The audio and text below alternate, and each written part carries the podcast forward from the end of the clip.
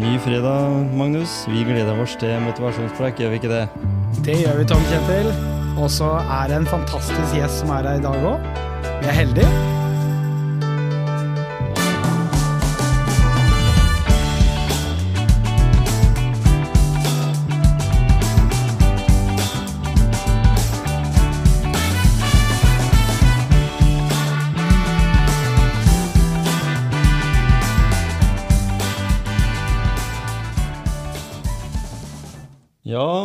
Da er vi tilbake i studio. og Endelig så har du greid å rive deg løs i dette høytidens måned mai. Det har jeg. Det har ikke vært så veldig lett i det siste, det må jeg innrømme. Nei. Eh, Når vi er i mai, så er det mange stengte dager og fridager Det er det som det er. eh, mange barn og unge nyter veldig, tror jeg. Det er mye mandager og fredager. Veldig mye av det. Veldig mye av det. Ja. Men i dag så har vi altså da fått eh, besøk eh, av en eh, hardbarka tidligere Arbeiderpartipolitiker. Jan Bøhler, velkommen til motivasjonspreik. Takk. Hyggelig å være her. Ja, takk for det.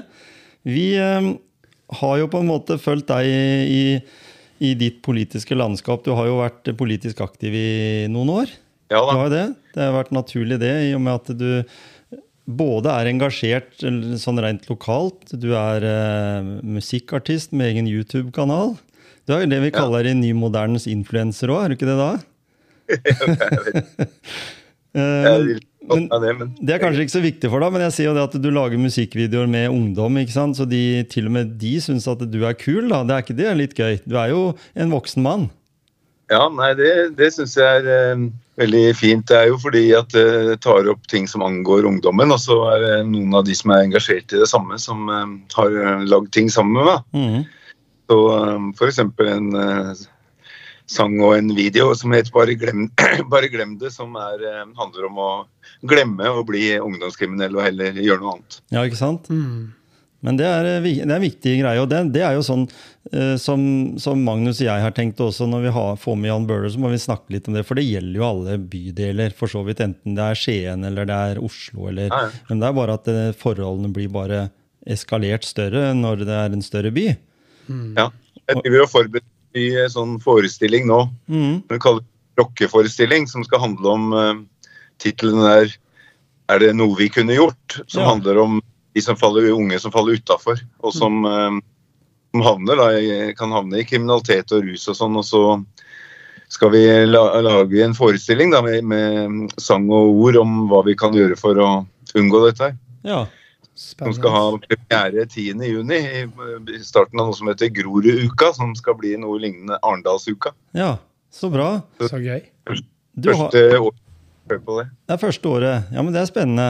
For det blir, ja. da, da blir det jo mange som knytter seg oppover. Vi hadde akkurat en i det grønne kontorfellesskapet som, som vi driver her, som Ja. eh, spiller, spiller fotball på Gryner. Å ja, det er, jo, det er jo oppe i området, liksom. Men eh, han sier jo det at eh, Grorud og sånt noe, de, de har en litt høyere status. Jeg vet ikke om det er noen divisjonsforskjeller der, ja. Jeg tror i hvert fall det. Stor er jo i uh, Obos-ligaen, som er topp, Ikke sant? topp det er toppfotballen i Norge, er jo Eliteserien og Obos-ligaen. De, det er sammen i de to. Så vi spiller jo mot I år spiller vi mot Brann og Start og Mjøndalen og? Sogndal og Så det, er stort, så det er nesten som å gå på eliteseriekamper eh, med ditt lokallag, da? Eller ditt lokale Det er det. fotballag? Jeg er jo aktiv i styre og stell i Grorud idrettslag, så jeg Ja. bruker mye tid. Ja. Jeg har spilt, fotball der siden jeg var fem år. vet du. ja, det blir sånn. Nei, Ja. Vi har jo noen år i, i fotballen sjøl, ja, så jeg vet jo hva det vil si å være engasjert. når den er Viktig for fotballen at de som har lang erfaring da, og har vært i systemet, at de eh, trår til. For vi er jo, det er jo Norge vi bor i, med eh, frivilligheten. Ja, det er det. Så også er det jo noe med å ha erfaring og, og at det er kontinuitet. Da. Mm, nemlig. Jeg har vært med i jeg, Som sagt så begynte jeg da jeg var liten gutt, men jeg har vært med i styret nå siden sånn 2011 Mm, i Grorud. da, Og bygd opp eh, at vi har kommet nå opp i Obos-ligaen. Men det er like viktig for meg å bygge opp eh, det med aldersbestemte lag. Så vi Mhm. har eh, vi, eh, vi driver nå og har fått til gode lag fra i hvert fall ti år og hver årsklasse oppover. da. ja. Og gjerne en to-tre lag i hver årsklasse. Mm. Og det hadde vi ikke tidligere. Og det, så, så det å at de barna og unge blir inspirert av de som spiller på A-laget, og Mm. får å bli like gode sjøl og sånn. Det er et samspill da, mellom å satse på å være gode i Obos-ligaen og bygge opp barn og unge sine, sine interesser. Ja, er, er det sånn at eh, Grorud som lag har mye lokale gutter, eller er det, blir det sånn at Ja. de også må kjøpe litt? Nei, vi har ikke noe penger til å kjøpe, vet du. Nei, ikke Så sant? vi, vi, eh, problemet vårt er jo at vi utvikler eh, talenter. Vi har Mhm. et veldig ungt lag. Vi har hatt, eh, vi har, det er tredje år i Obos-ligaen nå, og vi har jo hatt et ungt lag som ja, Gjennomsnittsalderen eh, 20-21 år. Mm -hmm. og, Men vi har, eh, de fleste er jo, har jo vært 17-18-19. Og så har vi to-tre som skal stå for eh, erfaringen, da, som er mer sånn 27-28 Ja. og noe i den gata. Så vi har hatt eh, to-tre erfarne og så eh, vesentlig unge spillere. Og problemet er jo at vi hvert år da, som disse unge spillerne utvikler seg, så mister vi dem til eliteserieklubber og ja. til ut. Så vi har jo eksempel nå så spiller jo altså våre beste spillere senest i fjor og forfør, da, sånn som eh, han Elias Hagen som nå spiller på midtbanen i Bodø-Glimt. Mm. Christos Safaris, som han spilte jo uh, i, som 17-18-åring med Grorud i Obos-ligaen og, og utvikla seg veldig. Men så gikk det til Haugesund nå i år, da. ikke sant? Så Mm. han er jo den veldig sentral uh, i Haugesund nå når den begynner å komme seg på midtbanen. der. Mhm. Han er bare Han fyller vel uh, Altså han er 18-19, da. Han Ja, fyller? Han er fyller, og, og så har vi Og så har vi um, F.eks. en, en, en i Sarpsborg og, og en som heter Martin. Og vi har eh, altså de, de beste spillerne våre, da. Ja, ikke er sant? liksom- og storskåreren vår i, går- i fjor, da, som het Oskar Aga, han skåra jo mest mål i hele Obos-ligaen. 25 skåringer på én sesong. Han uh, gikk jo til Elfsborg i Sverige. og Ja, det det. En annen heter Kornic, han gikk til Djurgården og sånn. Så vi, vi er en talentfabrikk da, som Mm. uh, de andre klubbene kommer og ser på. Nå var jo landslagstreneren eh, Ståle Solbakken var jo på siste kampen vår. Ja. Vi, eh, du kan si vi eh, Men vi, har, vi må godta den rollen, da, for vi har ikke penger til å holde på dem. Og så vil vi jo vise de unge at vi er et sted hvor de kan komme videre. Mhm. Prøver ikke å holde på dem heller. altså Vi lar de gå videre, og så satser vi på at vi heller da får ti nye talenter fram. ja. Men får De dere, men får dere sånn at, at dere tjener noe penger på det, eller er det sånn bare studie, den kompensasjonen dere får? Det er, har ikke vært så mye penger ennå, men det begynner å bli litt sånn som han jeg nevnte som gikk til Haugesund. Mm. Eh, Og han, eh, han som gikk til Elfsborg, han og Oskar Aga, han mm. toppskåreren i fjor. Begynner å bli litt, og vi får litt for hver kamp han i, spiller han i Bodø-Glimt. Ja, ikke sant? Får noen tusen for hver kamp han spiller, men det er, eh, det er eh, ikke mye vi får av det. Så vi har en eh, vi har en økonomi som er eh, en brøkdel av de klubbene som har størst økonomi i Ja, vår sant? ligaen, sånn som Brann og, Brann og Start og Fredrikstad og så. Ja, så, så det Men det, kom, det kommer seg. Det kommer seg, det bygger seg opp. vet du. Det er jo sånn mange, sånn som Bodø-Glimt òg. De var jo en klubb uten særlig økonomi og resultater bare for tre år siden. Så, så de var jo i Obos-ligaen, de òg, før de rykka opp. Så, og sånn, og sånn ser vi jo her med vårt lag i, i Skien Odd òg, som har lang eh, tradisjon og historie, men de har ikke noe penger. Så, så de også må jo gjøre på samme måten. De, se, de selger en spiller, og så selger de ofte i nasjonalt. Da, så får jo ikke, da er det jo småpenger i forhold til sånn som Bodø-Glimt når de solgte han til Russland og fikk, eh, skulle få 100 millioner. Da. Nå ble det jo riktignok ikke det. Det blei jo litt andre beløp når eh, han måtte dra hjem igjen. Men ja. du, det, blir litt sånn Jeg, har med på Odd for at jeg er veldig imponert over måten de har bygd opp på. mm, Med, de er, altså det har ikke vært så mye snakk om det sånn nasjonalt, men jeg tror Odd kanskje er den klubben i seinere åra som har utvikla flest egne talenter i Eliteserien. mm. Og de, og de kommer fra, de kommer jo ikke bare fra Falkum-området der Odd ligger, men de kommer fra Heistad og Herøya og de områdene rundt. da, Så, så det er klart at de har, eh, de har et stort nedslagsfelt innenfor eh, grenlandsområdet. Og så, og så Ja. får de muligheten til å prøve seg gjennom et sånn toppidrettsgymnas som også er tilknytta til Odd. da. Så det er Ja. en god kombinasjon, det. altså At de, de får bygd opp eh, trua på seg sjøl. Også at de vet at eh, Sånn som du sier med Grorud, at de vet at går jeg dit, så har jeg en stor sjanse for, for å utvikle meg helt ifra ganske små eh, Altså fra du er miniputt. da. For det er jo ikke, det er jo ikke sånn, Jan, når du spilte fotball på 50-tallet, så var det sikkert litt som når jeg spilte fotball på 70-tallet. Vi spilte jo elverfotball når vi var sju år gamle. Hva sa du? Vi, Spilte? vi spilte jo elverfotball når vi var sju år gamle. Vi var fem år, vi begynte som myggespillere, og da var det elleve mann på banen og på Ja. stor bane. Ja, alle var nede. Hvis ballen kom ned i hjørnet, så var alle 22 der i et kvarter. Ja, og det var mål. Jeg husker han lille keeperen vår. Han var jo knapt nok litt over en meter. og Så rakk han hendene i været, så ble han 1,40-50 kanskje. Og så var det voksenmål. Da, så det var liksom 1,5 meter lenger opp til tverrleggeren. Så, så det, var, det er veldig bra det systemet som er nå, da, med at du begynner med faktisk toer og toerfotball, eller to og tre, og så begynner du med fem. Sånn at du får på en måte unngått den der som du sier med den her eh, gjengen med mygg som bare løp etter ballen. Mølje, møljefotballen.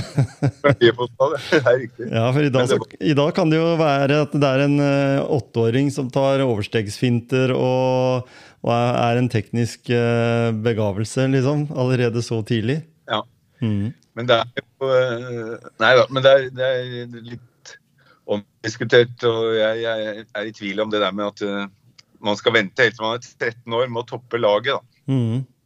At du ikke kan vinne serien liksom før du er altså, du, du, du, du teller ikke poeng og har ikke en mester i den og den avdelingen og sånn. Jeg tror det er liksom å lure ungene litt, for de veit hvem som er best og Mhm. sånn. Så jeg, Mhm. og, og jeg tror folk, de har bedre å spille sammen med de de er ganske jevne med, for å ikke bli så stor forskjell. For nå er det mye at de veit hvem som er best, selv om de ikke har lov å toppe laget. Og så, og så får ikke de andre ballen så mye. og sånt. Nei, ikke sant?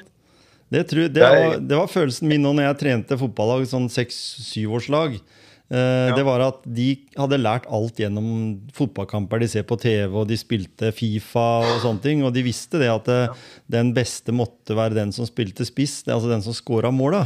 Det visste de allerede på den tida der. Men når, du, når jeg hadde syv ute på banen, og jeg hadde syv innbyttere, og alle skulle spille like mye, så er det klart at det. det var vanskelig. Men at du topper eh, At du kan begynne å toppe litt før 13-årsalderen, er jeg egentlig litt enig i. Jeg vet ikke hva du tenker, Magnus, for du har jo barn i yngre alder enn det jeg har. Ja. Jeg, jeg tror veldig mye av det handler om den der eh, bredden, da, som vi sier at eh, vi ønsker at vi skal ha det gjennom systemet så lenge som mulig. Men jeg er helt enig med, med Jan at det er omdiskutert, de tingene der. Og jeg tror, som Jan sier at det med hvem som er best, det ser de tidlig uansett. Eh, så det blir på en måte at vi gjør de egentlig mindre kompetente til å ta den vurderinga sjøl, for det vet de. Eh, så det er vanskelig å ha noen fasit på det. Ikke for meg til å tro i hvert fall at sånn som Viktor Hovland eller Aksel Lund Svindal eller alle Ja. de her verdenstoppene da, eh, i ulike idretter, Ingebrigtsen-brødrene, at de begynte å trene målbevisst med løping når de var 13. Det tror jeg de begynte med så fort de kunne gå, omtrent. så, så at det er liksom litt der. Ja, og så er det å finne, finne sin idrett, da, for det er det jeg er også veldig opptatt av. At de har et sted å gå, og et sted de eh, kan tilhøre og prestere. ikke sant? Og jeg tror mange ganger det er ikke alle som skal gjennom fotballen. Det er ikke alle som eh, skal passe inn i det nødvendigvis. Men sånn som det samfunnet vi lever i her nå i dag, så er det så ufattelig mange muligheter av idretter. Så, så sønnen min nå, han eh, slutta med fotball nå. Det syns jeg var litt kjedelig, for jeg visste at han Jeg, jeg syns han var god, eh, men han gikk all in for eh, skøyt- skøyter og kortbanegåing nå, da. Så vi var i Sonja Hennies hall og gikk eh, kortbane Det var vel landsmesterskap og NM, ja. Mm. Og det var jo kjempegøy. Og han kjenner veldig mestring der. Da har han med seg en som heter Bjørge. Han har jo gått OL før og Ja, en god, eh, godt forbilde. Mm. Og der, det han sier da, det er at han liker seg så godt eh, på skøytetreninga fordi det er så seriøst. Og, og det er på en måte ikke noe sånn eh, man, man tillater ikke at altså Når man er på trening, så skal man også levere. Da skal man ikke stå og, og tulle og tøyse og For det er veldig frustrerende for de som ønsker noe i fotball òg. Så har du en gjeng som bare leker og holder på borti hjørnet der. Som gjør også at folk detter av, da. Ja, Så han, det har han sagt flere ganger. Han er helt utkjørt etter treninga og helt ferdig. Men allikevel så er det det beste han vet. Og det er en ny idrett i Norge, kortbane. Det er jo forholdsvis ny. Den- Vi har jo gått uh, 400-metersrunder i Norge i alle år, for det har vært tradisjon. Og så kommer kortbaneløpa nå med alle de idretts... Altså ishallene vi har Ja. rundt forbi. Og så kom eh, Ja, det var vel sånn Ja, sønnen min han kom på treplass, og så eh, på landsmesterskapet, da, og så i til alderstrinn, da. Og så gikk det to dager, så fikk beskjed av Skøyteforbundet at nei. Han var jo bare 11. Han gikk mot tolvåringer, så han fikk jo ikke lov til å ha den medaljen. Så han måtte sende den inn igjen, da. Uff a meg. Så den, den var hard. Det var mer merkelig, da. Ja, Men sånn eh, nei, jeg, jeg er eh, Jeg eh, Jeg tror Norge er borte. Det er ikke mange andre land enn Norge som har dette prinsippet om at du ikke har lov til å toppe og sånn før du er 13 år. Nei. Eh, vi har nok eh, Det kan nok hende at vi går glipp av noen talenter vet du, som ikke får eh, De får ikke De føler at det er for mye dilldall, da. Mm. Og så begynner de med andre idretter. For i andre idretter har du jo lov å bli best. ikke sant? Du kan Mm. ikke gå på i, i langrenn til du er eh, 13 år. Nei. Altså, da er jo det er meningsløst. Og, og du kan ikke bli best i sjakk ved å ikke ha lov til å vinne sjakkpartiet før du er 13 år. Nei. Det, begynner, du, du, det er meningsløst å spille sjakk uten å kunne vinne. Eh, sånn at, sånn at det er jo eh, Og det gjelder jo hopping og alle idretter. Sånn at jeg er i tvil om at den modellen er litt for sånn mye eh, altså eh, kan gjøre at kanskje noen av de som kunne vært best, de beste talentene, da, at de begynner med andre idretter òg. Mm. Fordi det er for uh, surrete eller litt for lite mening for dem, for de ønsker å vinne. ikke sant? Det er det som er motivasjonen med å konkurrere og drive med idrett. da. Det er Leken er jo å vinne og, og tape og vinne med samme sinn, som vi sier. Mm. Det er noe med å lære seg å lære seg at man kanskje ikke er best, men kan bli bedre og sånt også. da, Og, Ja. og, og tåle det. Ikke sant? Vi hadde, i vokste opp, så hadde vi jo Jeg spilte jo fotball i Grorud som sagt jeg var fem år, og så utover på 60-tallet og første del av 70-tallet. Og da, da hadde vi eh, tre-fire lag vi på ulike aldersbestemte klasser. Og det var helt greit for dem som pleide å spille på annet lag og sånt, sånn som jeg husker. da. Mm.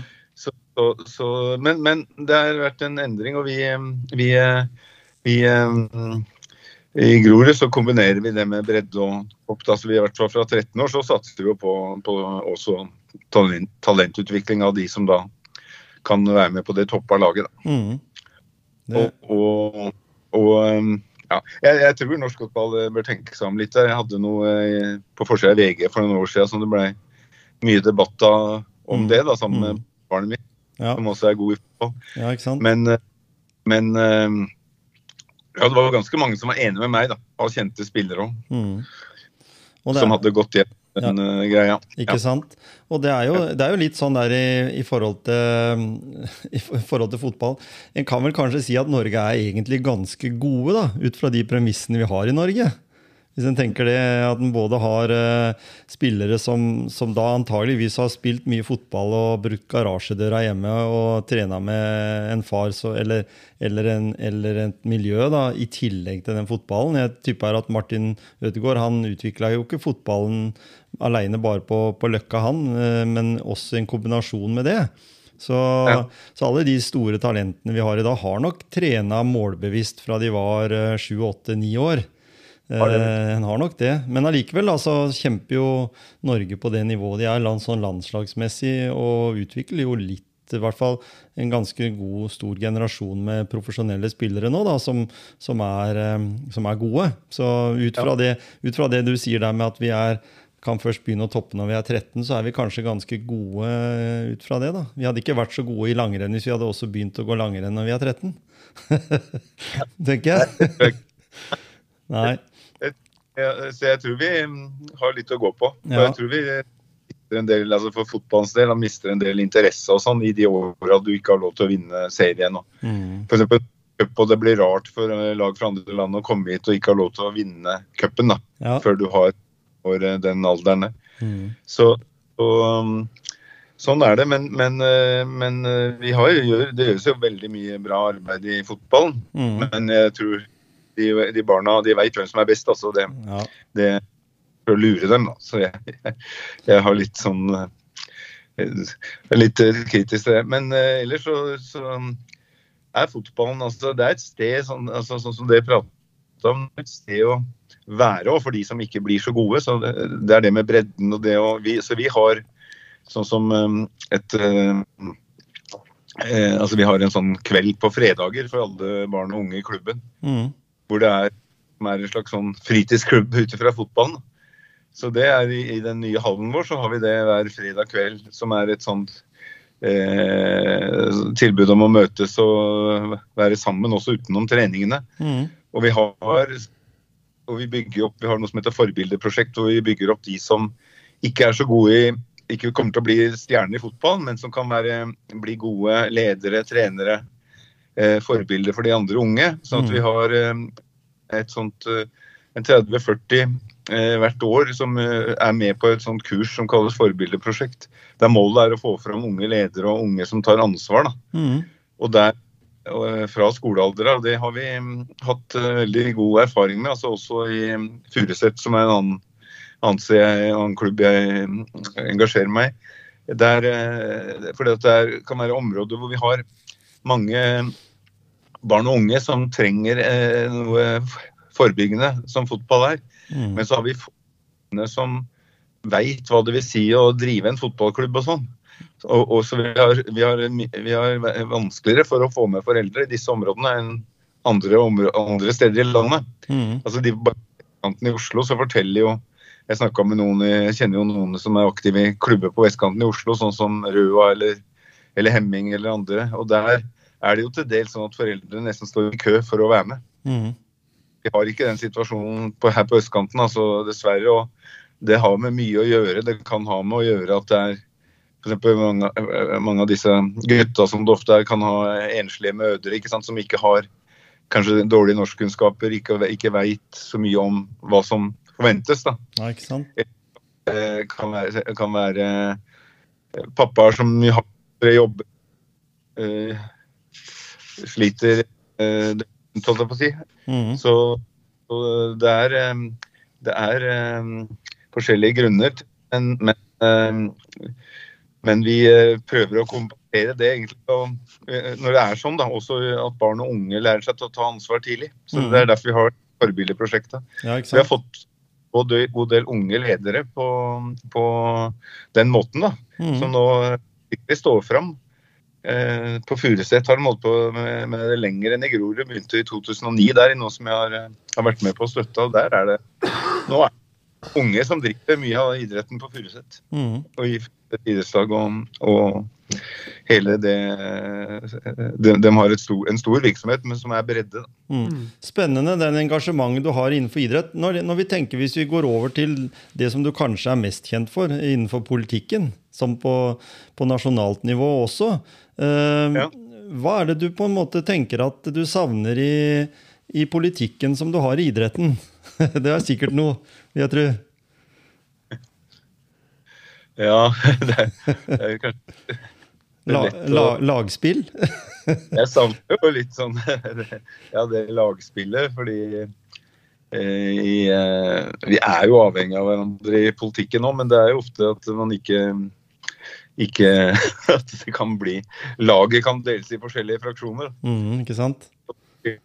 Mot hverandre istedenfor med hverandre. Ja. Det er sant. og, og, du har jo en politisk bakgrunn fra, fra tidligere. altså, sånn, altså Du starta jo i var det Sosialistisk Ungdom din, i din ungdom, vil jeg tro?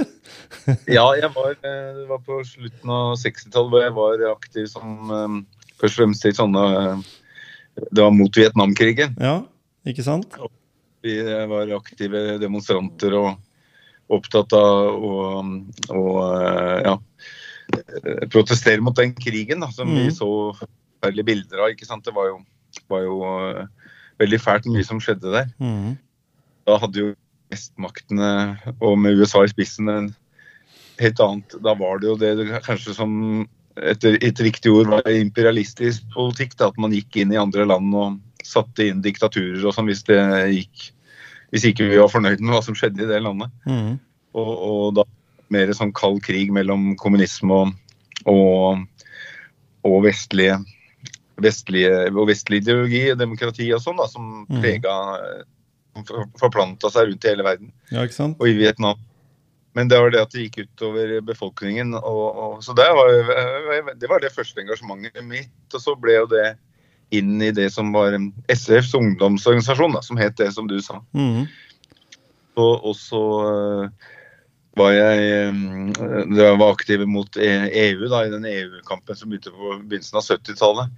Så det var, Og så var jeg med i, det, i den delen av altså, kan si venstre-radikale bevegelsen da, Mm. som var rundt Jeg var ikke med i det som het AKP, men jeg var øh, liksom på den sida, da Ja. i altså, rød front eller den delen. Men så øh, brøyt jeg med det skjønte alt som var gærent med det, som var litt, litt ute på 70-tallet. Så det, det ble en, en ungdomshistorie. Da Men det var først og fremst? Vietnamkrigen og Og det, har- og det har du jo på en måte også med tanke på også din innsats i Arbeiderpartiet, så har du jo egentlig vært motstander av at en skal gå inn i land og overta krigen, på en måte.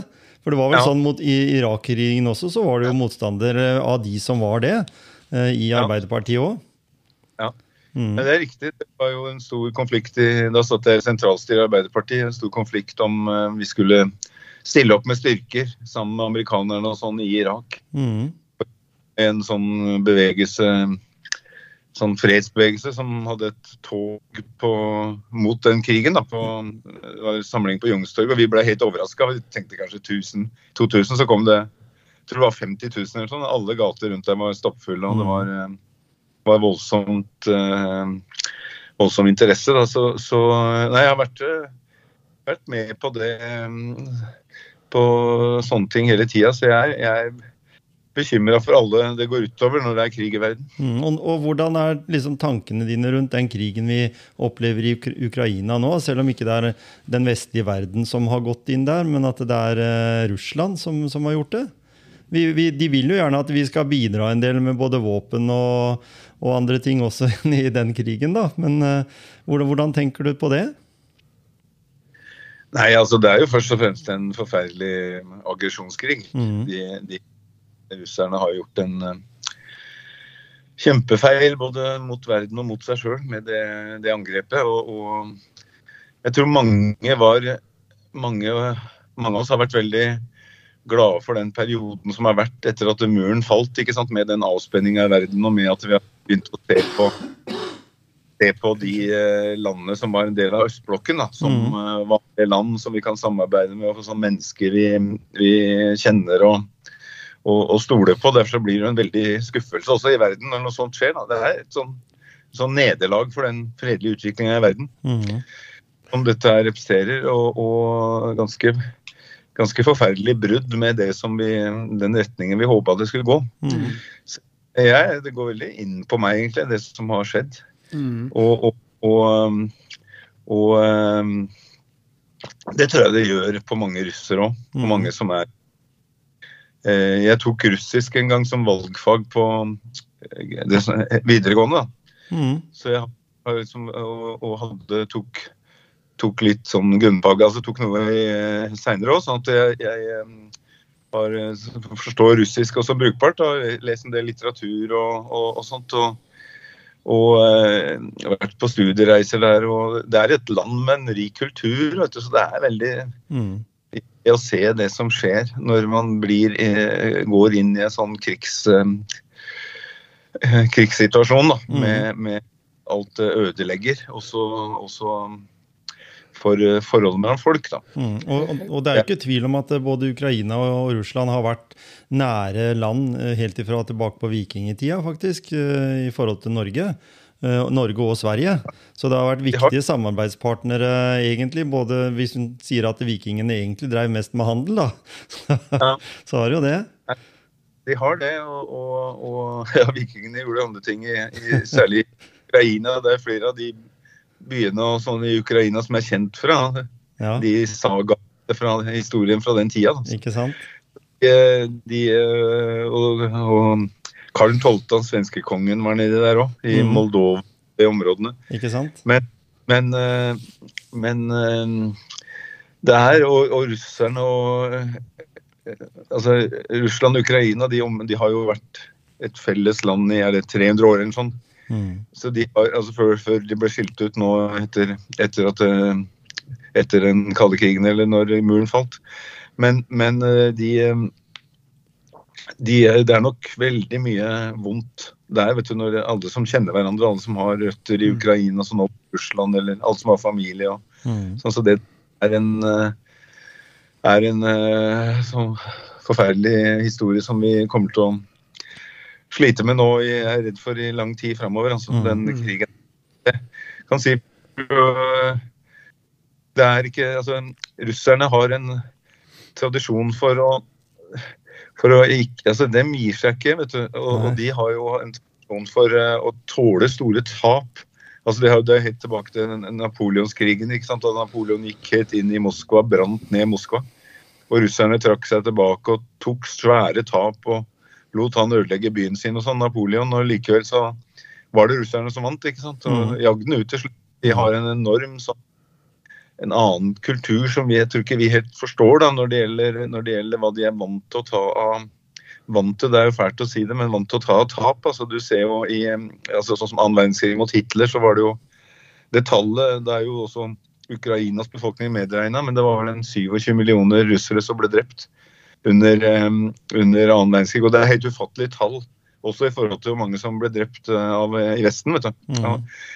De har en har en eh, ja, det landet har en erfaring eller en sånn historie med, at, eh, med store tap. sånn at vi skal være, veldig, være veldig klar over at, eh, at de, de Det går ikke det, det der er, er, Jeg tror det er en veldig farlig spiral, da, for de kommer heller ikke til å gi seg. Nei. Og da hvis det ikke er behandlingsvilje på noen av sidene, Mm. Og sånn så kan dette bli farlig for hele verden, altså ikke bare for, for um, de, de lokale. Ja, for, det, for, det, for, det, vi ser på utsida, ja, for jeg, for jeg, tenker på at det vi ser på utsida, det er jo det at eh, det er én mann som på en måte har fått lov til å manipulere et folk i mange år. Og så er det mange andre lag som ligger rundt dette. Og så ser vi også eh, Vi bor på en måte blant de vestlige allierte. Men kan vi også sette i lys av tiden som har vært, kan man også forstå eh, Putin og det russiske folk, hvordan de Altså forholdet med Vesten. Er det, er det ting som burde vært gjort annerledes? Ja, altså de har jo Jeg tror, jeg tror vi, vi later Altså vi forstår ikke at det, også deres frykt for Vesten kan være for dem reelt Altså de opplever det reelt, da. Mm. Det tror jeg ikke år. Fordi at uh, de har den erfaringa jeg sa med sånn som Hitler-Tyskland, 27 millioner drepte. Mm. Og de uh, har um, en, en, uh, en type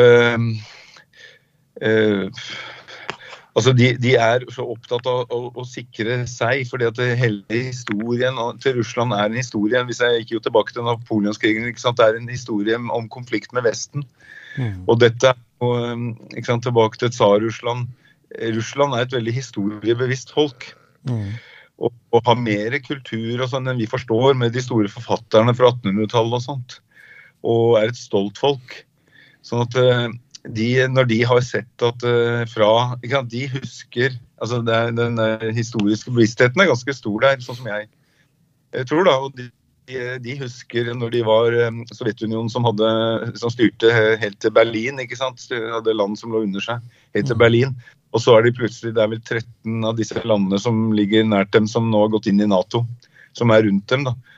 Og for dem så, Hvis man har liksom russiske tegninger og sånn opp tilbake til sovjettida, Nato og sånn, som en sånn veldig truende, forferdelig ting, da. Mm. Som jo er et riktig bilde i det hele tatt, men de, de, de har det bildet. sånn at jeg, jeg tror vi har, eh, har eh, Hvis man skal løse ting, så må man også greie å sette seg inn i andres tankegang. Mm. Vi, eh, og Nå går Sverige og Finland inn i Nato. De opplever det. Vi, de, de, landene er jo fredelige, demokratiske land som aldri kommer til å stå for noe aggresjon. Men de har ikke den eh, kunnskapen og erfaringen som vi har. Det er en helt annen erfaring. Så Ikke sant? jeg, jeg er bekymret for den totale klinsjen. Altså Mm. hvis ingen Og nå har det liksom her i Vesten fra å være noen som har sagt noe om forhandlinger og noe om at vi må også Vi må bare se at har, vi har en stormakt som, i Russland som, eh, som eh, hvis den blir ydmyka for mye, så, så spørs det hvor det vil? Så blir det bekymring. Hvor vil det ende hvis ingen ser at eh, det må, det må finnes en løsning et sted? Mm.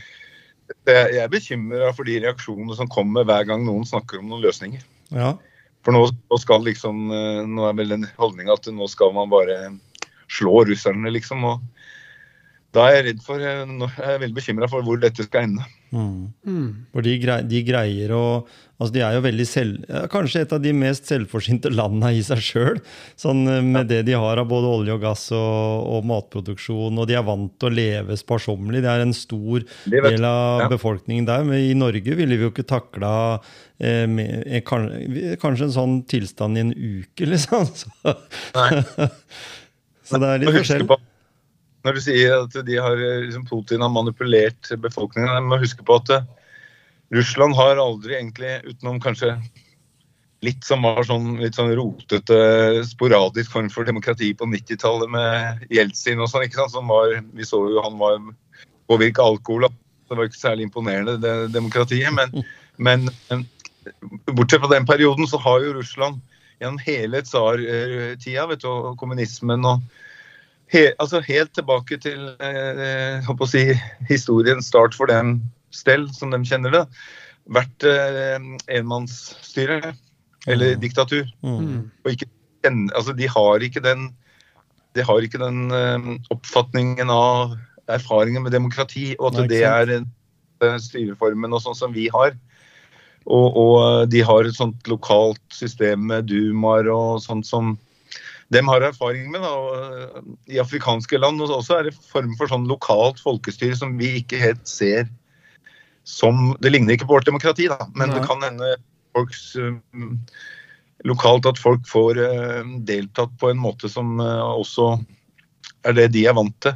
Så vi, vi kan ikke bare Altså det er ikke så eh, Det er vanskelig for oss å forstå at ikke bare Putin blir styrta når han gjør så forferdelige ting og utsetter Russland for dette, her, men det er ikke så enkelt med Nei. den eh, og den bevisstheten de har. De, dessverre så er de som står for mer sånn vestlig demokrati og forkjempere for det. For det, de, det ser ut som de er isolerte.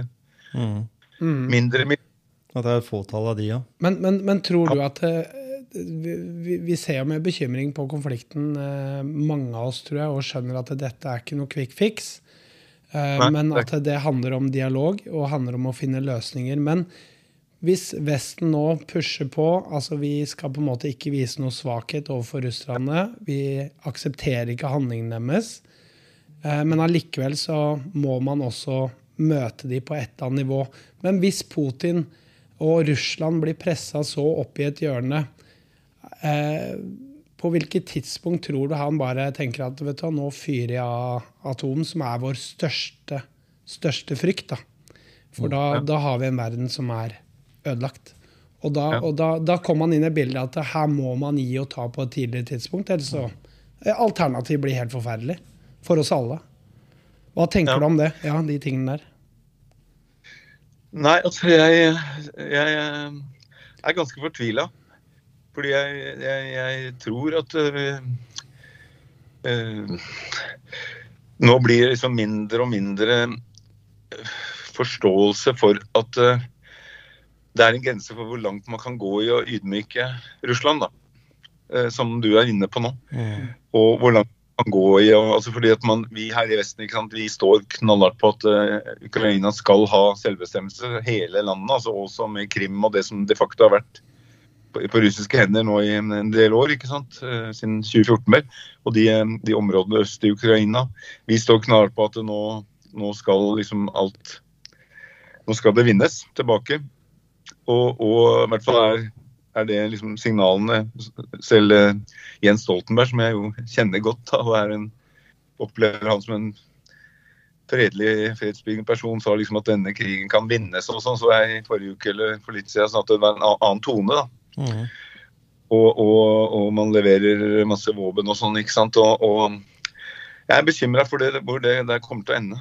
Og, den, og, det er ikke fordi jeg er noe, svak i forhold til disse prinsippene, men, men eh, hvis Vesten skal, skal hevde sine prinsipper i alle land, enten det er Kina, Pakistan og afrikanske land, eh, Latin-Amerika skal, skal, hevde sine prinsipper eh, i alle, så, så, kan vi få en verden som er tilbake til veldig harde fronter. Mm. Da er vi tilbake på den tida med Kennedy i USA og, og nesten på den, den tida, ja. Mm. Ja, altså det er Det er uh, Vi sant. Han, han tidligere aktøren i Aftenposten han, han, skriver jo politiske kommentarer der noe han han skrev en kommentar hvor han viste til liksom, hvor stor del av verden som nå ikke tok stilling, da. Eller, eller altså hvis du ser på totale befolkningen i verden, eller, eller eh, var en slags sånn med Hadde en bra kontakt med Russland, trass i Vestens sanksjoner og sånn, så er det jo en, en, veldig stor del av verden da, som ikke da deltar på Vestens side. For vi regner liksom de vestlige landene som det er det perspektivet som er vårt. ikke sant? Og da virker det jo veldig klart hvor verden og, og det er mer sammensatt. Ja, og, og, at vi i Vesten kommer inn og sier du, hei, det er demokratiet er best for dere. Dere må jo skjønne det er best. Men som du sier, når du kan spore tilbake så langt i historien, eh, så er det så grunnfesta i folket at det er begrensa hvor mye endringer man klarer å, å gjøre inn i en sånn setting. Da. Det er ikke ja. lett for dem å forstå hva vi mener. Og at vi kanskje i for stor grad legger oss opp i andres eh, lands suverenitet. Da. Så skal vi selvfølgelig løfte menneskerettigheter og alle de tingene der. Det er noe vi setter veldig høyt i Vesten. Et menneskeliv i Vesten er, virker for meg, da, er betydelig høyere verdi enn kanskje i andre typer land. da. Ja. Så, ja. Nei, du kan si at uh, Hvis jeg utvider perspektivet litt og ser på Midtøsten, ikke sant? og sånn som bombingen av Libya og, og sånn, at uh, Norge skal liksom gå inn og, sammen med Nato-land og, og, forsvare eh, eh, befolkningen, eller noen deler av befolkningen, mot, menneske, men, mot overgrep mot menneskerettigheter. Da. Men sånn som det det har ført til i, i Midtøsten, med, med, det som først var den arabiske våren, men så ble forferdelige kriger, ikke sant? både i Syria med, den, med IS og med alt som eh, det ble utløst der, når, mm. når man liksom mistet mista eh, Når man bare skulle gå veldig langt i retning av plutselig en demokratisk vår, og så ble alt isteden bare oppløsning. Mm. Og for overgang til demokrati. Da. Og det samme med bombingen av Libya, som jo Jeg tror ingen mener at det har blitt bedre i Libya av den bombingen. Nei, ikke sant? Nei. Og, og, og det, det, har jo selv samme i Irak, da med Irak-krigen og mm. Saddam Hussein.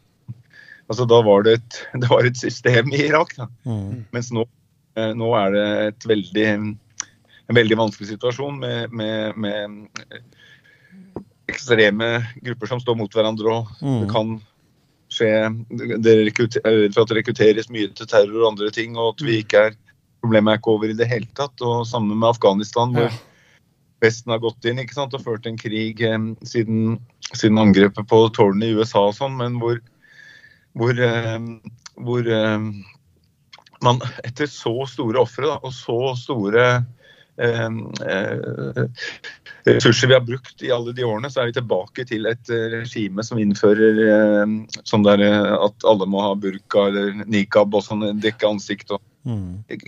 ikke lov til å gå på skole. Og, og er Altså, de har, har bare tatt kvelken på det som var av tilløp til demokrati og kvinnefrigjøring og sånn der, og som vi har brukt da opp mot 20 år på. ikke sant? Og, og, skulle, og, og mange soldaters liv og, og, store Vi har eh, også utsatt mange afghanere som hadde håp om demokrati, da, for livsfare.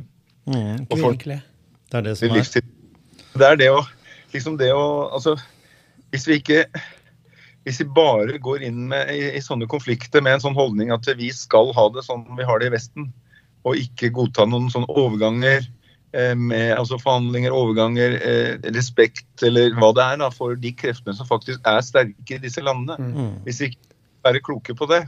så kan Vesten Verden kan bli et vanskeligere sted altså, i åra som kommer. Mm. Rett og slett. Og, og, jeg tenker på det der ene som kom opp litt for meg nå. Det var den markeringa som, som, var i eh, Russland under frigjøringa når Erna Solberg var statsminister. Og ja. de ble invitert og sier nei, vi stiller ikke opp. Og da tenkte jeg, er du dum? Det er jo nå vi virkelig skal markere freden og nettopp de gode tingene. Mm. Da valgte Norge ja. å si vi stiller ikke opp. Og da tenker jeg inni meg det er jo ikke klokt! Altså, er, jeg, jeg, skjønner ikke hvorfor vi skal gjøre det. Vi, vi kan ikke legge oss opp i alle andre land og bli en verdenshersker. Norge kan ikke det. Det går ikke. Og det er sånne ting jeg reagerer veldig på. Det, er, det har mange reagert på. Da tenker jeg det er nettopp da vi skal være der. Mm. Hvorfor skal vi si nei, det vil vi ikke gjøre? Og det er jo nettopp å markere fred. Mm. Mm. Nei, det skal vi ikke fordi Russland har gjort det og det. Det var jo i forbindelse med Krim. ikke sant? Mm. Men jeg tenker på, altså, da skaper man jo i hvert fall ikke noe dialog. Da bryter man jo linjer, da, sånn som man driver med Kina. Også nå med, altså Det er mange ting her som jeg tenker er ikke klokt. Mm. Sett fra vårt perspektiv. Vi kan ikke innføre alle ting vi tenker er fint, i alle andre land i verden. Det går ikke. Nei, og ikke over natta. Nei. Nei. Nei men det er, Absolutt. Ja, det, er, det, er, veldig interessant. Altså, bare, den, eh, den uh, diskusjonen her, fordi, fordi, den manglende respekten for at det faktisk finnes andre, andre måter å organisere samfunnet på. Da. Og at vi mm. må, må gå fram på en, en, eh, på, på en måte som gjør at vi forstår det at det er tradisjoner og historie og kultur og sterke krefter i forskjellige land som vi må ta hensyn til. Enten det er Syria eller Irak eller Libya eller mm. Russland eller, eller mange av de afrikanske landene. Det er um, veldig avgjørende. Og det er så lett å, å um, få en sånn retorikk her i Altså på hjemmebane i, i, USA eller i Norge eller i England og så, videre, så er det liksom populært å være hard ikke sant, mot mot disse diktatoriske kreftene. Mm. Man over på hver par. Mm. Og det um, er lett å bli, gå for langt i den retningen da, for mm. å innfri dette. her, og Det er med at uh, Erna Solberg ikke ville stille opp. Det var, det var, var det feiringen av liksom, um, krigen, altså uh, seieren over nazistene ja, og Hitler? Mm. Ikke sant? Ja, det var det. Ja. Og da har jo, altså Norge har jo den erfaringen fra fra 1945 at russerne gikk inn og frigjorde Finnmark og nedover. Og så trakk seg tilbake. Mm. Yes. Og uten å gjøre noe krav på noe territorium eller å bli, bli stående, som, som, kunne ha frykta. Mm. Som de kunne ha gjort. Uten at eh, noen hadde greid å si noe på det. Så de trakk seg jo tilbake. Mm. Det er jo erfaringa vi har som nasjon. da. Mm. Det er den eneste vi har direkte med Russland mm. som uh, land. Og, og, den bør vi jo ta veldig godt vare på og minne russerne på at vi er klar over. Og takknemlig takknemlige for. Ja. ja, ja de hadde jo, det var jo store tap. Det var jo, det var jo 20 millioner vi snakka om i stad. De ble jo ikke tapt i krigen mot Norge, men det var jo den helheten at man slo Hitler. Mm. Og, og, mange var jo krigsfanger mange, det var jo krigsfanger som sulta i hjel og sånn i Norge. Det er helt riktig, og det er det å ikke glemme og huske og minne i hvert fall de gode tingene som som var eh, bindende for oss eh, samfunn imellom. da. Og, ja. og, vi må se realiteten i det. Hvem som Ja, vi er et lite, lite land som er veldig avhengig av gode relasjoner med de rundt oss. Ja. Og da nytter det ikke å, å, på en måte tro at vi skal eh, få Russland til å bli samme som Norge. Eh, det går ikke. Og som du sier, det går langt, langt tilbake. Og så kan vi absolutt si at eh, vi ikke er enige i ting, men det er hvordan vi kommuniserer det, og hvordan vi møter de, da. Eh, som jeg tror er eh, veldig viktig. Og at vi Nå er vi en del av en allianse som gjør at vi er på en måte fienden til Russland. Eh, og det er ikke bare bare det, altså. Neida, og, vi, og vi er jo sånn at uh, når vi tenker uh, historien, da, så har jo sikkert Russland, som du var inne på, Jan, tidligere en langt uh, lengre selvstendig historie enn vi i Norge har, selv om vi tror at vi har eksistert siden tidenes morgen. Så ja.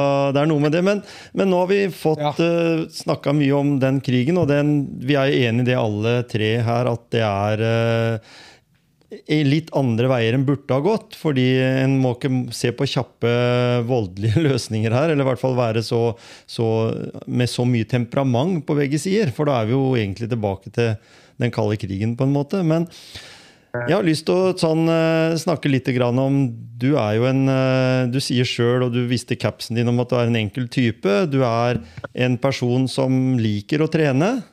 Ja. Eh, og du trener mye med egen kroppsvekt. Nå skifter ja. vi tema her. Ja.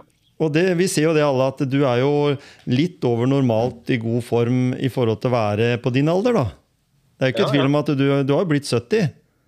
Ja, det er sant. det. Ja, ikke sant? Jeg visste det. Og det, det, er et Jeg vil jo si at du sånn fysisk, men også med tanke på at du, du er ganske belest også, men, men spesielt det med, med fysisk trening.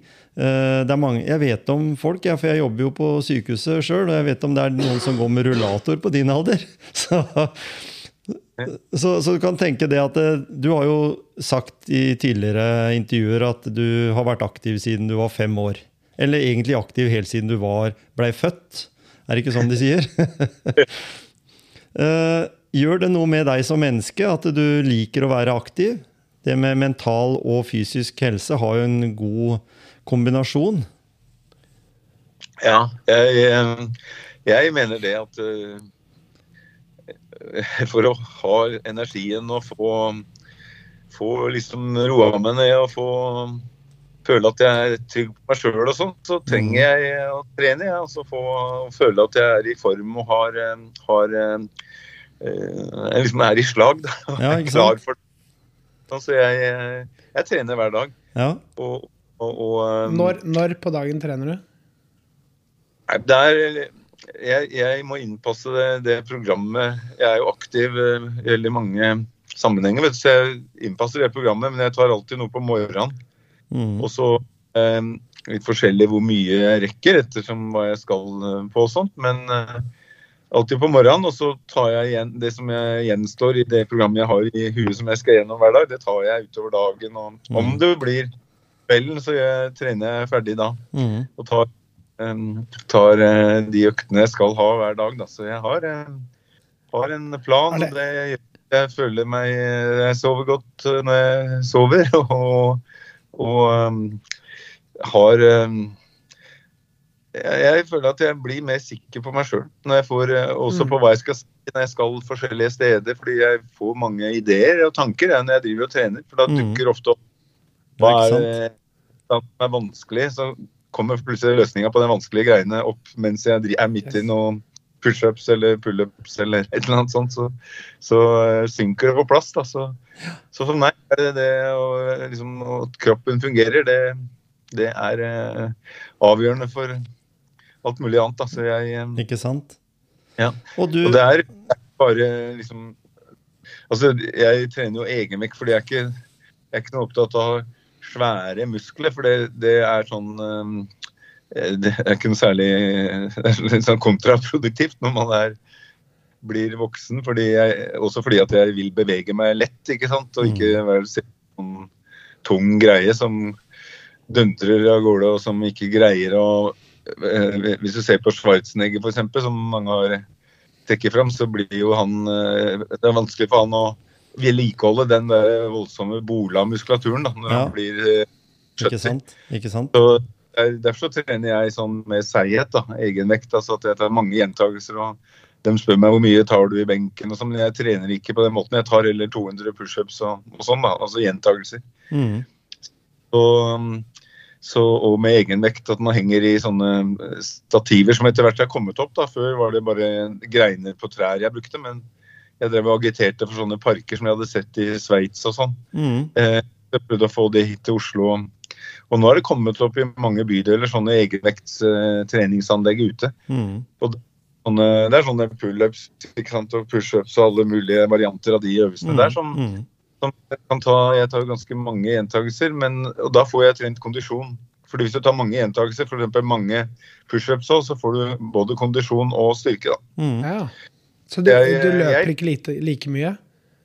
Hva sa du? Du løper ikke like mye sånn styrke? Nei. Eller? Nei sykler, eh, jeg sykler og Altså, jeg, jeg er i en roklubb og går på ski og sånn, og så og liker å svømme hvis jeg får muligheten, men jeg, jeg, i hvert fall på asfalt så løper jeg ikke så mye nå. Nei. For der har jeg, jeg brente meg litt at jeg løp for lenge på, innover til byen og sånn på hard asfalt og begynte å få kjenne det i knærne. Mm. Det, det angrer jeg egentlig på at jeg fortsatte med det til jeg var sånn Det er bare for et par-tre år siden. Par år siden. Ja. Og, og jeg burde ha skjønt det at det å løpe på asfalt det blir for mye tunge slag Mm. eh, på knærne i lengden. Så det, det har jeg dessverre måttet redusere, redusert, da, for jeg har merka det i knærne. Mm.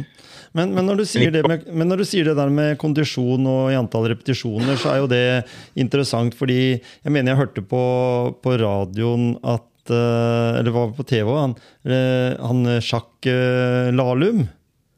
Han ser jo ikke sånn veldig sånn ut som han er en treningsfyr, men han var visst opptatt av å ta ekstremt mange pushups. Å ja, sier du det? Og, og da snakker vi om sånn 1100 om dagen. jeg, vet ikke hvor, hvor, jeg vet ikke hvor ekstreme de var, men han var ekstrem på å ta det. Og de, de kan, du kan jo ta de ganske kjappe òg, for det er jo liksom Jeg husker malen fra vi hadde på skolen. Vi hadde en lærer som var tidligere gymnast, eller sånn eh, er det heter, sånn turner. Turner. Ja. Eh, Da skulle du liksom ta med haka nedi, og så skulle du helt ned, og så opp, liksom, og, og, og sånn. Mens, eh, mens det derre trøkket du kan gjøre ved å ta hurtige eh, øvelser, gjør jo som du sier, at du da gjør det om en, en forholdsvis uh, tung øvelse for mange, da, som tenker at greier jeg 20, eller det er vel sånn i Forsvaret, tror jeg, det er 50 pushups eller noe sånt, så er du liksom Da er du jeger? Nei. eller i hvert fall, det er, det er en viss antall, da. Eh, Og når du sier da at du tar kanskje Jeg vet ikke hvor mange du tar, 200 eller noe sånt i dagen? På da, per dag? Nei, altså Det er sånn serier, da. Ja, sånn, ikke sant? Altså, Men da får Men, du den eh, kombinasjonen av kondisjon også i det der, for da slapp du den løpeturen, da. Ja. Mm, altså 201 mente jeg da når jeg sa Ja, ikke sant? 200. Ikke sant? mm, Men, men det er, nei, da, man får opp eh, kondisen. Og jeg har jo sett når jeg har tatt sånne Det var jo eh, jeg, jeg er ikke sånn som går til lege, men når jeg var på Stortinget så fikk vi undersøkelse annethvert år. Og da hadde jeg hadde, Hun sa at jeg var som en ungdom i de der verdiene som viser mm. Hva heter? Puls og blodtrykk og Ja, ja. sånne Ikke sant? hvilepuls. De der eh, verdiene der, da, som, mm. som jo henger sammen med kondisjon. da. Ja. Er, du- er, du, er, Det du, er du opptatt av kost også? ja. Mhm. Eh, altså på kost er jeg ganske nøye på, på hva jeg spiser. Da. Så, så um, Men det er- henger sammen med hva jeg liker òg. Så jeg liker fisk og grønnsaker og frukt. og Syns det er, eh, er, eh, veldig godt. Så det er eh, eh, sånne ting jeg spiser. Yoghurt og skummamelk og Mm. Så videre. Ja. Og, så jeg jeg har ikke det eneste Nei, jeg er ganske nøye på Eller det er det jeg liker, og da blir jeg nøye på det. Så, og så er det jo Men eh, eneste kan si usunne jeg har, er at jeg mest spiser Det er ett stort måltid om dagen, og det blir litt seint på kvelden når jeg kommer hjem og vi får roa oss og Mm. skal slappe av. Så det blir stort kveldsmatmåltid, men eh, Og så drikker jeg og, og litt sånn eh, yoghurt eller noe bar eller sånn underveis da, i løpet av dagen. Men eh, det er et stort måltid Mm. på dagen. Det er, det er mange som har ulike modeller. Er Liksom, så er det karbodietter, og så er det det ene med andre. Og akkurat det der med et måltid også er jo en form for, for diett uh, uh, på en måte. Men tenker Jeg er sånn når noen spør meg hva tenker du i forhold til det med trening, mat og sånn, jeg sier, sier alltid at eh, Og det er en veldig enkel filosofi for meg. det er at Hvis jeg eh, trener mye, så kan jeg spise omtrent det jeg ønsker. Ja. Eh, hvis jeg trener lite, så må jeg vurdere om jeg kan det. fordi da merker man at det ikke er bra. Det er jo en veldig enkel eh, Da bør ikke jeg kjøpe spesialtilberedt eh, kylling fra et eller annet sted som, som er nøye tenkt at den skal være slank og fin. og så Da kan det og trenger du på en måte den energien en, en må ha. Eh, Hva tenker du om det? Jo, altså jeg har ikke veid meg siden eh, Vært på vekta siden tror jeg 1991 eller sånn. For at jeg, eh, jeg eh, ser på meg sjøl at jeg ikke er tjukk eller noe sånt. Da. altså så Mhm. bare da, da så, jeg har ikke har liksom nesten sånn prinsipp at jeg ikke skal ha fokus på sånn som det, da. Mm. Så jeg, jeg, jeg er ikke sånn som går og Jeg, jeg veit at jeg forbrenner mer enn nok i løpet av dagen til å spise det jeg vil. Da. Så jeg, jeg eh, meg når jeg først spiser. Mm. Eh, Men, men, men jeg har ikke sett noe tegn på at jeg ikke at ikke vekta holder. Ja. Det, Men tar, tar du de samme øvelsene hver dag? Eller har du liksom litt sånn annenhver dag på visse muskelgrupper osv.? Tenker du sånn òg? nei, altså jeg eh, er nok um, litt enkel type der òg. Jeg tror det er bra å trene liksom Mm. Dag Mm. og trene Mm. rygg og mage og bein og sånn hver dag. Så jeg Mm. har ikke sånn vet at noen av disse som går i studiet og som tar liksom tunge øvelser for beina en dag og Mm. lyst en annen dag og sånn, men jeg driver ikke sånn. Jeg trener hele kroppen hver dag, jeg da. Mm. Det, men det blir litt jeg Mm.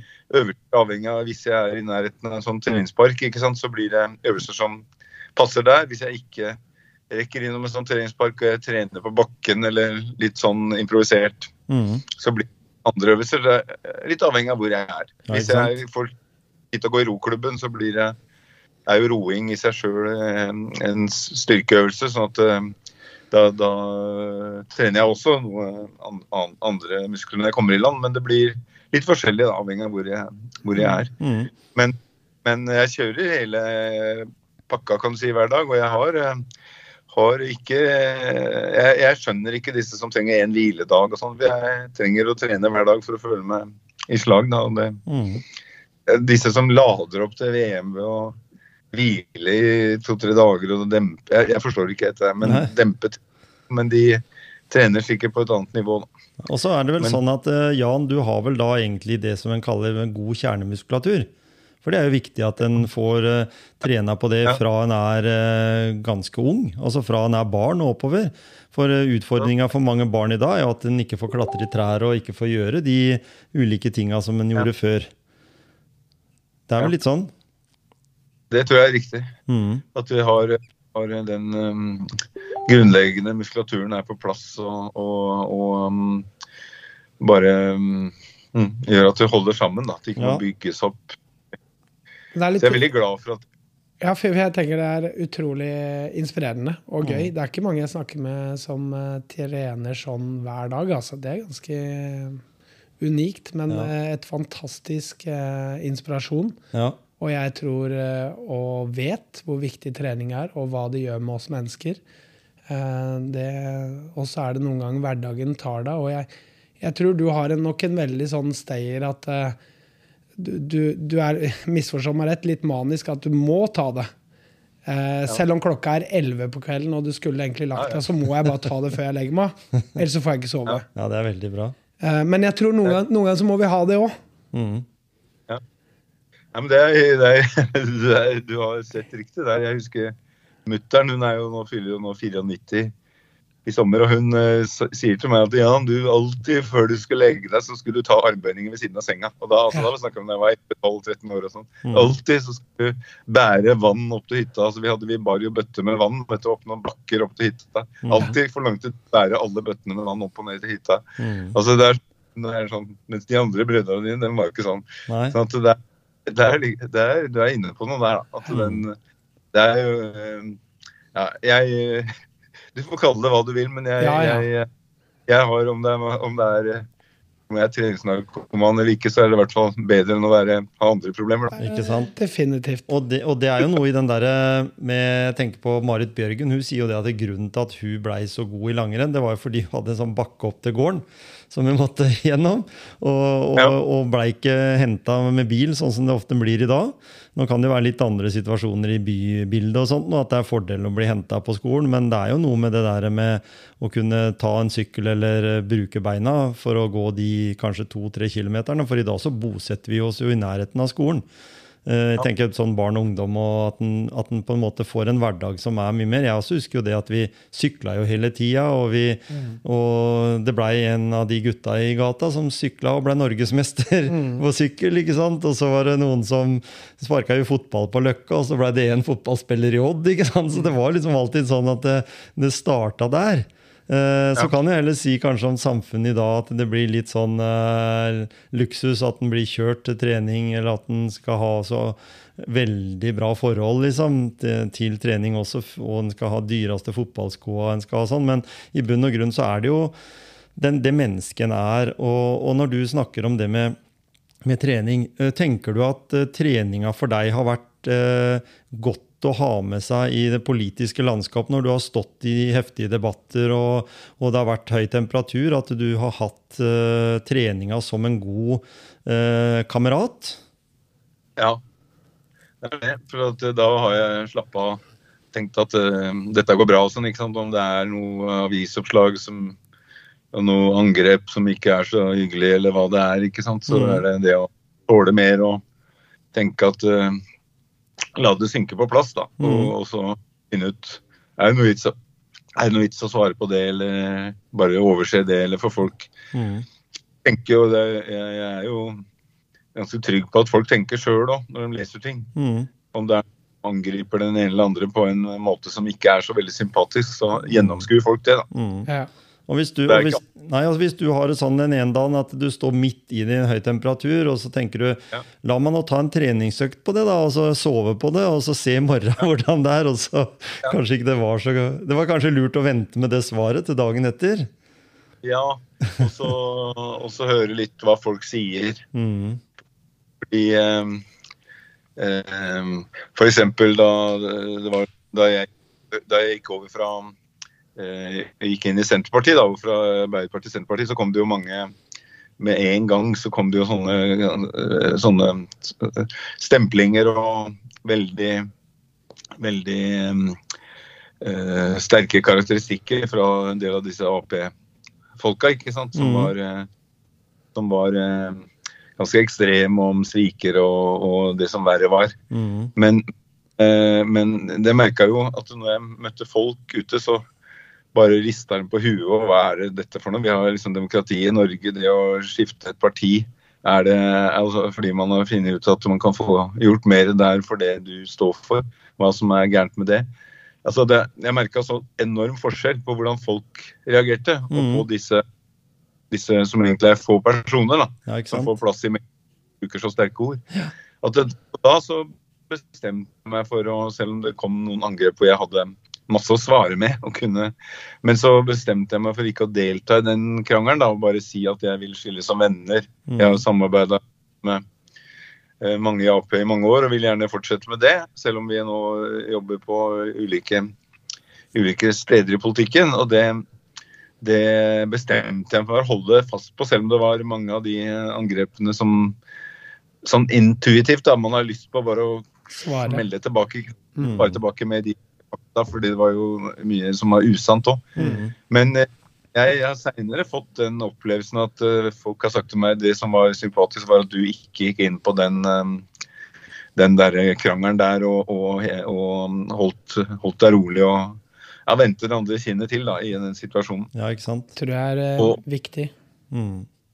Jeg veit jo aldri fasiten, men hva som blir stående. Men, men eh, jeg eh, Sånn som det er et eksempel da, på at jeg tok og gikk og trena litt opp på Grorud etter å ha sett de angrepene, og folk stoppa og pratet til meg og sa liksom eh, sånne ting. da, At vi, at vi støtter deg, og dette, sånn skal de ikke prate om deg. og, Ikke sant? og reagerte spontant. Og da tenkte jeg liksom Ja, folk tenker sjøl. Mm. Men, men det mest sannsynlig at de kom de angrepa, det var jo at de var lei seg av å miste. det. Det er ikke tvil om det. Du var jo en folkets mann i Arbeiderpartiet.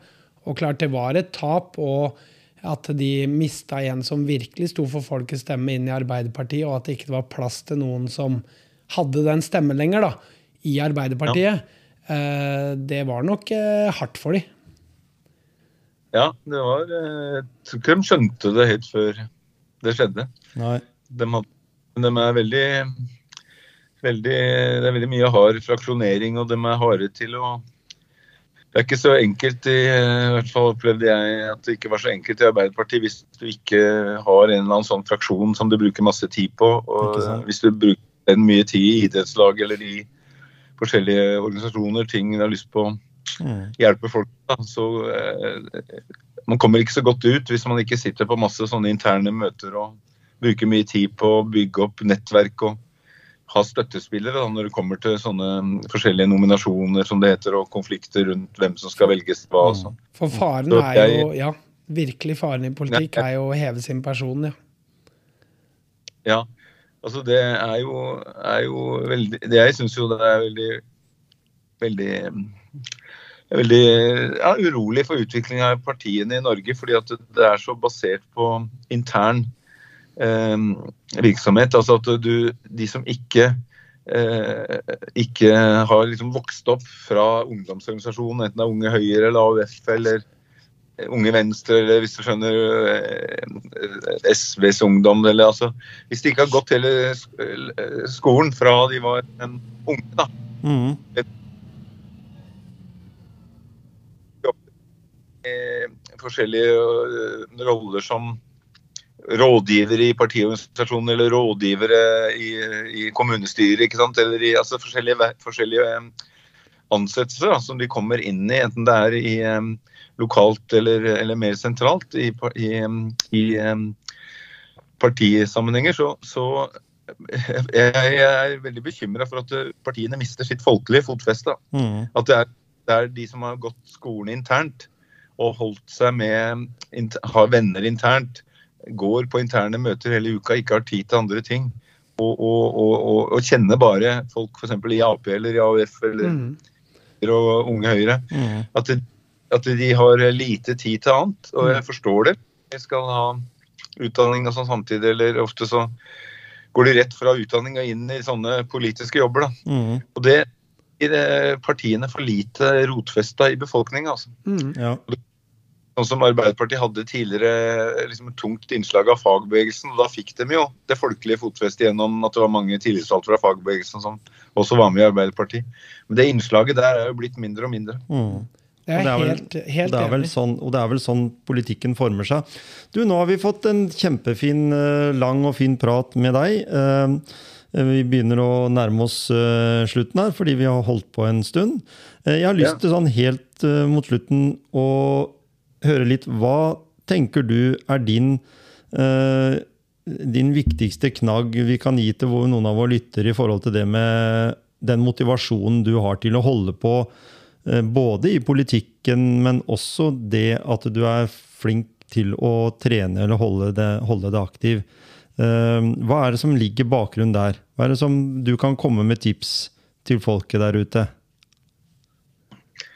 Ja, altså jeg er eh, glad i glad i å være sammen med, med folk. Da. Prate med dem. eh, være, være en del av altså bygge, en, Den energien jeg har, den føler jeg bygger i kontakten med mennesker hele tida. Mm. Og, og, og um, at jeg um, syns uh, vi skal uh, liksom ta vare på det vi er, altså i, um, med Ta vare på kroppen vår, ta vare på menneskene rundt oss. Eh, jeg jeg har uh, ikke så veldig mye dyp filosofi. Jeg er en enkel type, men jeg Mhm. har uh, men, mine gleder er, er knytta til det å få utfolde meg, og det å utfolde meg eh, da bruke kroppen min, Mm. eh, utfolde meg med musikk, ikke sant? utfolde meg med å prøve å stille opp i ting som angår eh, politikk eller angår viktige saker, sånn som jeg jobber med, mye med sykehussakene i Oslo. Ja. Ullevål sykehus og det som dere kanskje har hørt litt om. Mm. Mm. Eller, eller jeg følger med på jeg følger med på i Oslo tingrett, for der går det mange saker som angår eh, eh, kriminelle gjenger, ungdomskriminelle og sånt, som jeg, for å forstå bedre hva som egentlig ligger bak, og hva som har skjedd i ulike eh, når det har vært knivstikkinger eller det har vært eh, noe drapsforsøk eller drap og alt sånt. Så jeg, jeg, jeg følger med på ganske mange rettssaker i Oslo tingrett òg. Mm. Skriver eh, artikler om det, da, i, i, eh, blant annet i sånn fast, ganske faste kommentarer i Nettavisen. Ja. Men, men eh, Så jeg, jeg engasjerer meg mye, men det er det å se menneskene rundt meg og, og prøve å bygge opp meg sjøl, sånn at jeg kan ha en rolle i det. Mm. Og, og, og det, det Man må være Og da må jeg være trygg og, trygg og sterk. Da, da, Mm. da er jeg del av det å være trygg og sterk. Mm. Så, så, din, så, så din viktige motivasjon er jo i livet, det er jo å være engasjert og være opptatt av det. Og så får du kanskje følelsen av det at da må du også eh, være mer Altså, eh, du leser deg opp på ting, du hold, er liksom en person som kan litt. altså Du har litt unn, grunnlag da, for å være med i de settingene også.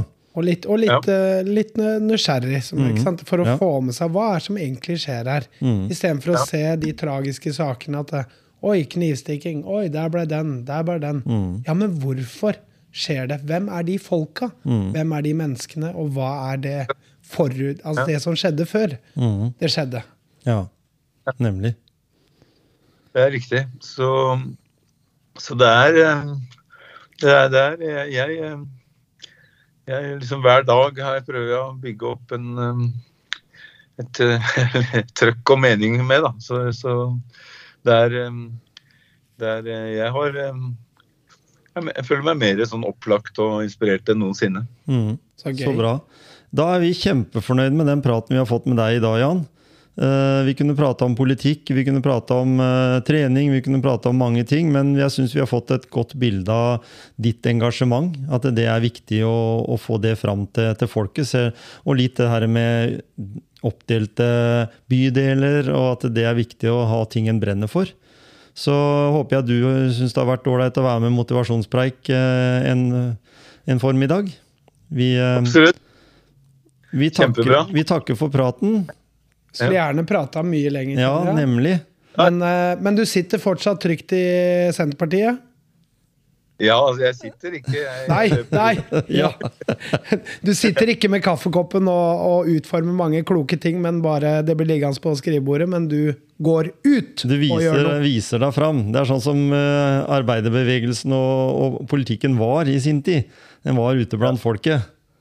Ja, det var det.